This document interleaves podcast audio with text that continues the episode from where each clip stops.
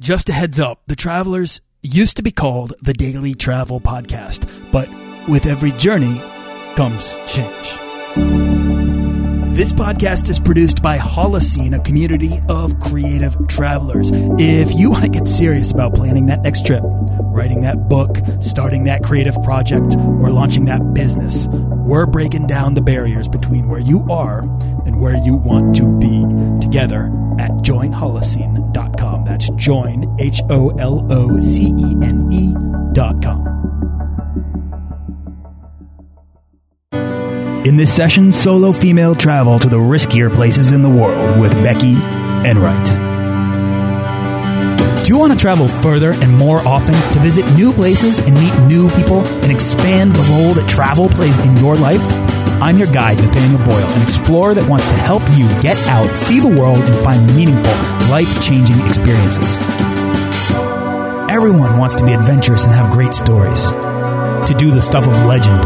This is the Daily Travel Podcast.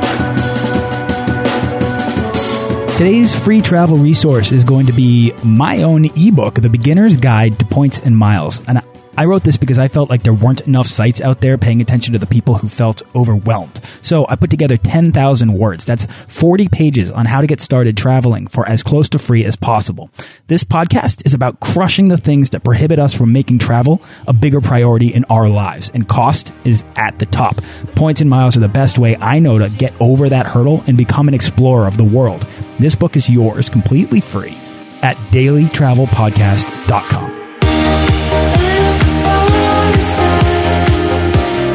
In 2007, Becky Enright left her career in public relations and set out from her home in England for her first solo female travel experience to Vietnam, and seven years later has yet to stop. She's been through China, Mongolia, India, Kenya, Madagascar, uh, the United States, and the less visited places like Myanmar and North Korea. Today, she's an expert in Southeast Asian travel and a freelance advertising, PR, and editorial consultant for hire, and she blogs about her ongoing experience experiences from the road on her blog, bordersofadventure.com. Uh, I'm thrilled to have Becky and uh, sort of her very unique approach towards solo female travel and visiting these really challenging places that are intimidating for everyone. Let's just dive right into her story and how and why she does what it is that she does. So, Becky Enright, uh, thank you so much for coming on the show. Thank you. Awesome. Where are you right now, Becky? I'm currently in Georgia. I just spent nearly three months in Turkey with a couple of breakouts to uh, Greece and Malta. Um, but I'm looking to sort of travel around Georgia, Azerbaijan, Armenia. Um, I have a quick trip to Finland in between and then I'm going to Iran. So it's almost I'm just concentrating on the Middle East region right now and sort of these former Soviet areas too, I think is a, is a new interest that's um, coming on board to the site. What brings you to some of these countries? Because Georgia is is such an. I mean, you're you're the first, and I would wouldn't be surprised if it's going to be a long time before I talk to somebody else that's traveling through Georgia right now. But um, you know, what what's bringing you to these countries? Um, well, it started off really. I've always had an interest in history and sociology, which kind of comes from school. I never really traveled when I was a child. And then I went on these awesome school trips to Russia and sort of Central and Eastern Europe, like Third Reich and Russian, like Cold War history. So it's always been in the back of my mind I go to places that have some kind of historical background or some some kind of big changes that have happened. And it could be post-war, post-conflict, or it could just be they have really interesting history. especially with somewhere like Turkey and Israel and Palestine, where I recently was, it's that kind of that rich kind of civilization and history and how it's adapted so much over the years and what makes it like it is now. That's a big kind of draw for me. Becky, I'm excited for this chat because uh, obviously you're a very mindful traveler and uh, you have a lot of uh, purpose behind why it is that you're out on the road. You're not just out there wandering around. You uh, have a goal, and uh, you know I kind of want to get into that. But before we do, um, I, I shared a little bit about you before, but I want you to take a minute to introduce yourself. Tell us who you are and how you got started traveling. Well, I'm Becky. Obviously, as you know, I'm British and I started traveling, as I mentioned, at school, but my first solo experience was to Vietnam when I was about 24. in 2007. And that was the first time I really saved up to do something bigger. And it was outside of, you know, the, the standard kind of package holidays, which was all I could afford at the time, especially when I was in university. And interrailing was a big thing when I was younger, but my friends weren't really interested in that. And round the world travel wasn't as big a thing when I was younger either, and not as accessible or cost effective as it is now. So that was my first big trip. And then after that, um, which was, a, that was literally a two week trip uh, out, out of work. And I just went from there really. So every time I booked off a, a two week holiday from work, it was very much to go and backpack somewhere. So after Vietnam, I went to India, and then after India, I planned a trip to Cambodia and Laos and northern Thailand, and it just went from there to the point where I became unhappy in my career. Um, I always did love PR, and I do love PR, and I do it now. But what I was doing in my the career kind of line that I was on, it wasn't necessarily right for me. And I kept thinking about travel, like most people do. And so I saved up and I left for long term travels, which was initially supposed to be 18 months to two years if I could make the uh, money last or do work with someone like Help Exchange or something. And after 15 months, I found I hadn't gone around the world. I had stayed in uh, Southeast Asia, which is a huge passion of mine. I spent over six months in East Asia, sort of doing Japan and Korea and Taiwan and that kind of area. Um, and then I came home and I had grown my business on the road, which was always uh, like the secondary kind of point of what I was doing. It was first of all to have the travel experience, and secondly to try and grow my my blog as a, as a really decent, well informed resource. Um, and I did, and I came home and I had more business plans, and that was at the end of last year. Um, and then I was at home on and off for maybe two months, and I left home again in April, which is what's led me to where I am now in Georgia. All right, so uh, I think what's interesting is that you did not, and, and you know, you started out very, very uh, succinctly said I'm British, and then said that you took a two week vacation, um, and that it wasn't a gap year. So often I have Brits come on here and they're like, "Well, I took a gap year, you know, and then I fell in love with travel." You took a two week trip to Southeast Asia by yourself. Now that Becky is unusual. Um, it's an unusual decision to make. It's not something that most people give themselves the permission to do. And I'm wondering what inspired that decision and how was it you came to realize that, that, that it was okay to go alone? I think I just came to the realization that I I have friends who who travel, but they travel very much in the way that most people do, like long weekends or vacation time from work, and just just that essence of wanting more, which very much comes from my school days and comes from the things that I'm interested in. That not everybody wants to travel like that. They don't want to go on what can be seen by some people as very busy holidays. Constant sightseeing and the kind of hustle and bustle, and not many people want to do that. And it is very much a lifestyle and it's a choice and it can be very, very tiring. So I think it's more about just what was just inherently inside me, like the way I wanted to travel. And I thought, you know, if I if I don't give it a go, I, I need to see whether I want to do this long term, and why not test it out for two weeks? Because the longer I go on easy holidays or things that I just choose based on cost, the the more I'm putting off like the true passion. And, and you know what your true passions are. You just have to find a way of just going. You know what? I'm just good. So I'm going to do it, and that's that's the first step for most people that ends up being the break that they need. Yeah, I love that. I mean, did you were did you find that by going by yourself, you were able to answer those questions that you had inside yourself uh, more easily? Yeah, I mean, what I did was I actually joined um, a tour group, and I had a few days on my own either side, so it was the best of both worlds. I did, I did that a couple of times, and because of course it is very scary, and I think that's a really good thing for people to do if they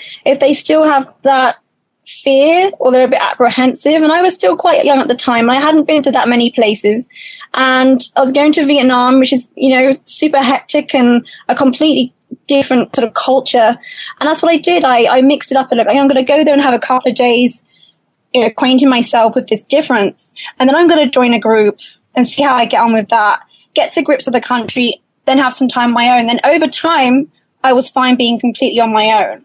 So I'm not going to sit here and pretend that, you know, I, I jumped into this head first and was solo straight away. I mean, more and more people are doing that now because it's just so, it's so much more of an open world. But back then for me, like not many people were doing that. And it was a perfect introduction to be able to uh, acclimatize to that way of traveling. Yeah, did you find that your sort of experiences on your own accustomed your accustomed you to being alone, to dealing with feelings like loneliness or homesickness, or uh, you know, even just how to how to manage your own time and how to manage sort of the overabundance of freedom that you can have when you find yourself on the road making one hundred percent of your own decisions. Yeah, absolutely. I think it happens quite quickly. I think you, you quickly go over the fear when you realize that it's easy to meet people, whether you're in a hostel or whether you're in a cafe, you, you, meet people. I mean, I've even, for example, when I was in Myanmar, I was walking around Yangon, which was perfectly fine on my own. It was, it was beautiful, like meeting really lovely locals. And I spy a guy who is carrying the same lonely planet as me. So he's screaming traveler too, and he's on his own. And right. I've built up that ability, I guess, and the confidence to, to go up to somebody and be like, oh, hey, got the same lonely planet. Straight away we clicked we hung out, we had lunch, we walked around Yangon together, and I'm, he wasn't even in my hostel. And it's just those little things that you, you learn to pick up on. Or when I was in China, for example, as well, I, I would uh, do some work up until a certain time, and the, the hostel had a, a kind of a bar, and I would scope the room for the groups of people that were sitting there and like who looked the most lively or the most friendly or approachable. So I would do work and look around. And then by that point, when I had finished, I knew exactly what group I was going to go over to, like grab a beer and be, hey, can I join you?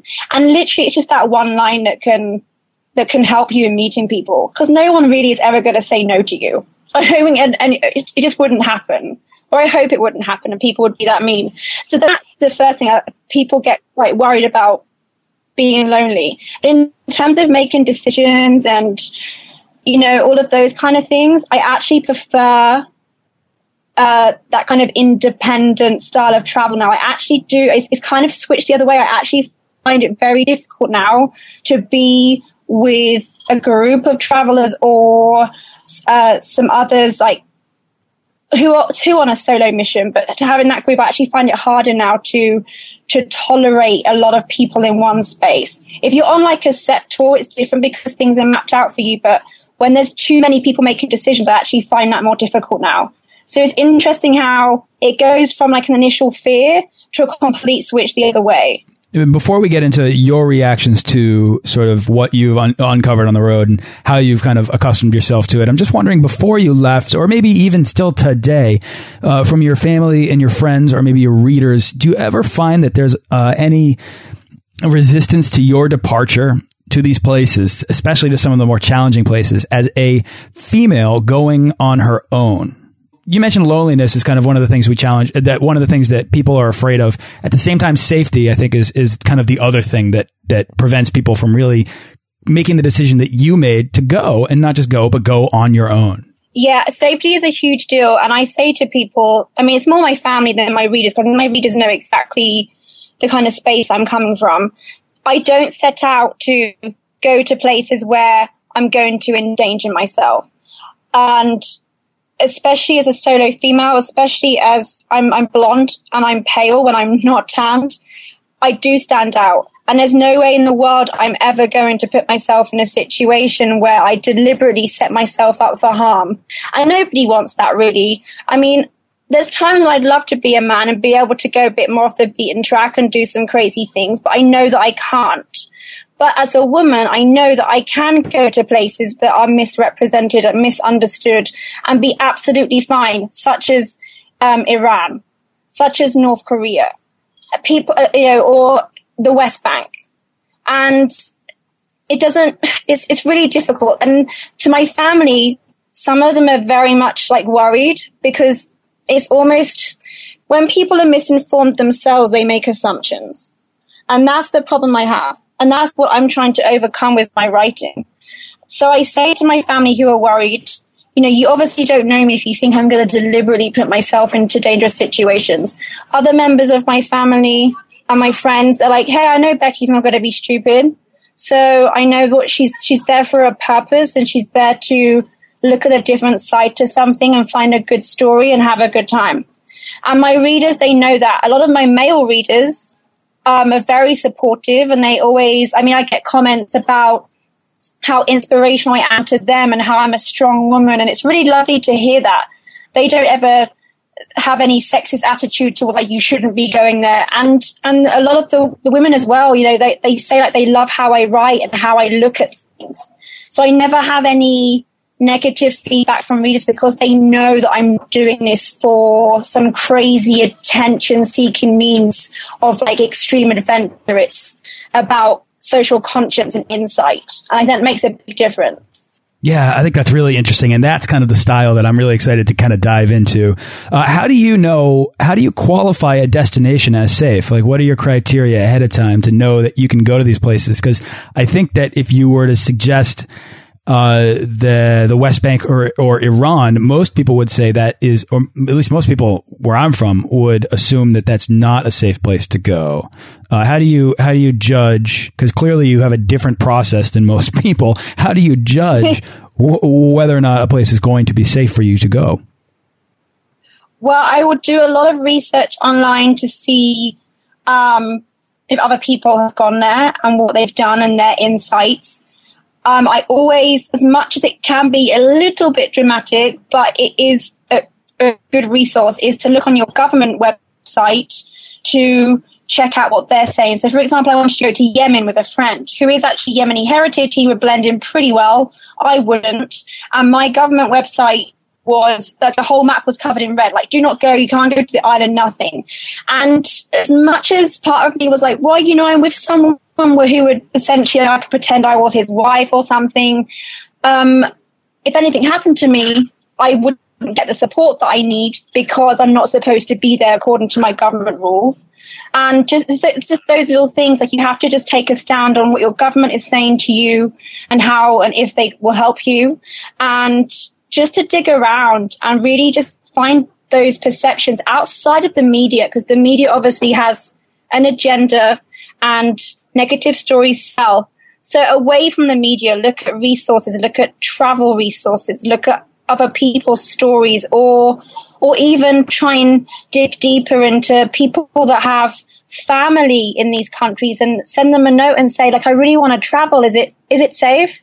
And then normally come back to you or that, you know, or some of these other writers come back to you and say, you know, here's, here's the truth and it's, it's fine.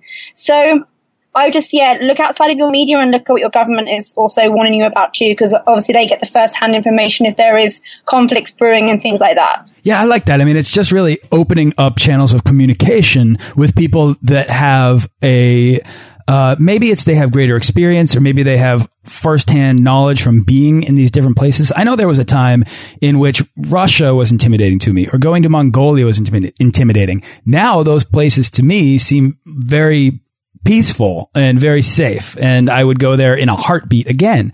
Um, but at the at the same time, there are still places that intimidate me. North Korea is one of those places. The West Bank is one of those places. Um, and to chat with somebody like you that you know, can you actually? I'd love for you to do this right now. Do you have a story from from Iran, from North Korea, from the West Bank, any any of these any of these locations that illustrates how eh, it wound up being safer than you or others might have once assumed it to be? Okay, well, first of all, North Korea, you can't actually travel there unless you're in a tour group. And that's, that's the rules, that's the law, that's how it has to be. And so immediately you have a safe haven. And you're constantly watched. You have two guides, you have the representatives from the tour companies. So straight off the bat, North Korea is not that scary. And it's an eye opener and it's different. And I wouldn't go there to country tick or if you want a holiday because it's not. Um, but if you're interested in the politics and the social makeup of that country and what's happening there and how it's opening to tourism, then then then go. But you are, are in a safe bubble. So North Korea is a bit of a separate entity. Um, with somewhere like the West Bank, which of course now is back in the news because of the whole Gaza Israel conflict right now of course, something like that seems intimidating, and I can see why the border, the borders, and the checkpoints, and the wall, and and what our media is telling us, and people taking one side or the other, of course. And when you go there, uh, I stayed in a hostel in Jerusalem, which has a, a tour arm to it, and they do everything all over. And, and, there's two. There's one to the West Bank. There's one to Hebron. And Hebron's one of the most contested places in the West Bank. Um, that's itself divided into um, an Israeli and a Palestinian zone. And and you go there and you realize that there's organizations in these countries who are working together as kind of as peacekeepers and who want visitors to come and understand the conflict from both sides and gain insight into both sides. And I went with, um, I had a Jewish tour guide and I had a Palestinian tour guide and I learned about the conflict from both sides. And there are people in these countries who themselves are trying to promote the goodness of the country outside of the negativity. So I think once you start really harnessing the power of those people as well, you can gain some really good insight into these places. Of course, you know, I could go back to Israel and go into the West Bank on my own on a bus and I should be absolutely fine because a conflict isn't going to start in two seconds. Um, of course, you keep ahead of what's going on in, in the news and you realize a lot of the time that, for example, now with Gaza, no one goes near Gaza when you're a tourist, so it's not really going to affect you. Um, but yeah, just look out for these people that can offer these insights and who are working themselves to, to change the perceptions. But um, it's not as scary as you think. I think again, I, I come back to don't always rely on on straight media. And if you are relying on media, which we all do, we all read the news. Read various sources. Don't rely on the one that you, that you always go to. Um, that's my main thing. But yeah, I think a lot of it is just there's too much hype around some of these places because it sells good stories and you go there and even just by sometimes checking into a hostel, you think, or you learn that there's all of these tours and excursions or people that can get you to these places that are absolutely fine you never realize were. Yeah, you know, I mean, this is so incredibly, it's, it's so incredibly valuable to shine your light on these places so that we don't forget that what's happening there is a human conflict. And these are the complexities of the world that you become exposed to. Becky, you are um, much further along the sort of spectrum of explorers that are willing to go to these places and to learn about them inside them um, without, and very astutely, uh, without putting yourself in danger. And uh, I think that that's a really big that's a really big thing to do because that is going to provide a lot of inspiration. I hope that people listening to this are thinking, you know, I, I could go and learn about these places from within and I could meet a, a, Jewish person or a Palestinian person and understand about the conflict better from the actual people that are there.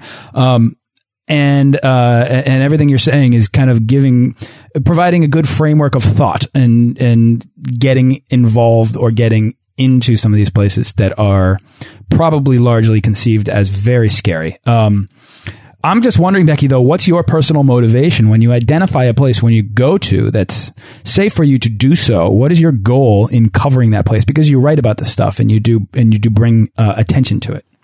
Yeah, sometimes I there's places like with Georgia, for example, where I go there and I say, okay, it was it was a former former Soviet occupation space country destination. And I get here and that, that's all I have in, in my head. But at the same time, it's a place where there's gorgeous mountainous regions to explore. So sometimes it's a mixture of, you know, really great kind of um, activities I can do a- alongside some kind of social, political, insightful story. Other places I go to, for example, Israel and the West Bank. You know, I've, I've grown up for years with Israeli friends and Muslim friends that have, you know, their view on the situation. And, um, so that was a very deliberate, I, I, I want to go there and understand this better. And also the realization it's an incredible landscape that people are fighting over and there's so much to do there. Um, so yeah, sometimes I go to somewhere with the intention of, yeah, I know this is a misrepresented place. I know people don't understand it, but I've heard it's absolutely amazing. So I'm going to go and, and find that out for myself, like with Iran, which I'll be in September. Yeah, again, it's just, it's a mixture of adventure activities mixed with, with social conscience. But yeah, I don't know. It's, it's a, it's a mixture of all things. You know, I never, a few months ago, I never planned to be in Georgia. I just so happened to be traveling around Turkey and I had Iran set for a few months later and I had some time in between and I'm, I'm right on the borders of this incredible mountain region. And plus with the history of, of the area, it was, it was ideal, especially to go to Azerbaijan and then to talk about the conflict with Armenia. It's, it's going to be a very interesting uh, travel experience. How often are you able to get into these places, meet people and get them to sort of open up about these difficult subjects that you're exploring? it doesn't happen in every single place, in every single town or city or country. Um, I mean, it can be anything from the owners of a family run guest house to meeting people on uh, organized trips that you go on for the day to just being lucky and meeting some really interesting people on the street. For uh, like the, the, the other day, I was in Tbilisi and I went up the cable car to the hillside to overlook the city. And I meet a guy who, like many Georgians, operate their enterprise from the back of a car or a van, like a grocery store, if you can call it that. And this guy had a coffee shop and he, he was Indian. He, he had moved to Georgia. He'd been there for five months and his business partner was Ukrainian who had left the country at this time with all the, everything that's going on, but was very homesick. And there they were trying to set up a business in a completely different culture to their own. And, um, it's just those moments. that I was all over buying a coffee. So there's just those times when you get incredibly lucky and other times when you, you know, you see someone you, and you, you know they're going to be a really interesting person and you have to build up some level of trust with them and talk to them. But a lot of it comes randomly and with luck or because you're staying somewhere that's, that's local in itself. So what you're doing, Becky, I, I, think is really interesting. It's also very courageous, but what you're doing, what you're writing about, covering the subjects that you are, when did this become something that could be a, uh, a career for you or an ongoing project that would, um, uh, become perhaps self-sustaining? Because I know that you also do, um, just consulting work on the side, whether that's editorial work or PR work. Um, uh, at what point did you create a life of travel for yourself that has allowed you to say, you know what, I've got some time in between. Uh, why don't I just go over to Azerbaijan? Well, when I first set up my website to go traveling two years ago, it was just recently two years ago, I I wanted to take my passion of travel, my I love history and sociology and culture, and also the skills that I had harnessed from my uh, PR career, which itself is about representation and guiding the reputation and management of that. So, um, combining all of that, I knew immediately I'm gonna I'm gonna have a website. And for many people that have been following me at that time, I was known as Backpacker Becky, and that was my first website. And what happened with that was after a few months, the way I was traveling, it all came back to what I was doing when I was a teenager, when I was traveling for those two weeks of work, which was this different, insightful traveling with the history, politics, economics, whatever you want to add into these particular countries. And it wasn't really about backpacking. And then it shifted. And that's how my, my business grew because I, I formulated this this niche and not many people doing it. I'm not the only one. Not many are. And that's, that's what my, my outlook became and that's what I became known for. And that's why I'm now called Borders of Adventure and I've changed everything to, to fit this niche. But I had a business plan when I left home and I knew that I wanted to to use the skills that I had and, you know, develop my photography and all those other things and, and bring a package to people and teach them how to travel differently and to travel with purpose and also to be adventurous, whether that's zip lining through a jungle or going to a country that people are slightly fearful of. Right, absolutely. Adventure is relative to to the you know the experiences that you're co comfortable undertaking for yourself, or actually, it's not a, an issue of comfort; it's an issue of uh, stepping outside of your comfort zone to embrace those challenges, whatever it is that you know you're ready to fold into your life. Um, Becky, what would you say to anyone who's who's listening and is interested in, in getting out there outside of their comfort zone and visiting a place any place that scares them, what's a what's a piece of advice you would give them to help them kind of get started in looking into this? I would say research your destination because the more uh, the more you find people have gone there, or the more positive things that you find about that destination, the less apprehensive you're going to be about going yourself.